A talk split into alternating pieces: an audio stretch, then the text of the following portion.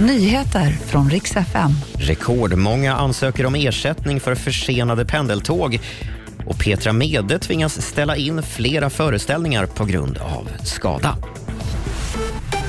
God morgon. Vi ska börja i Stockholm där pendeltågen har dragits med stora problem sedan förra veckan.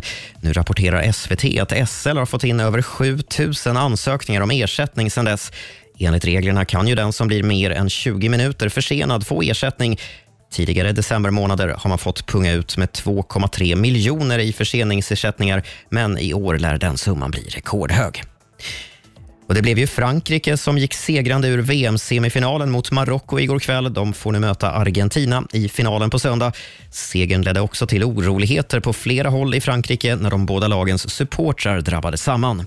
I Paris har över 100 personer gripits och i Montpellier fick det hela dödlig utgång när en 14-årig pojke blev påkörd av en bil i samband med stöket. Sist ska det handla om Petra Mede som ju firar sin 50-årsdag två år för sent på scen.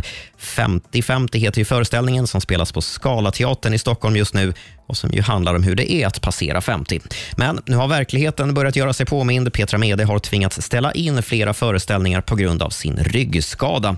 På Instagram skriver hon att hon hoppas att de som köpt biljetter kan komma i februari istället och citat, då lovar jag att vara extra rolig. Och Det var de senaste nyheterna med Robin Kalmegård.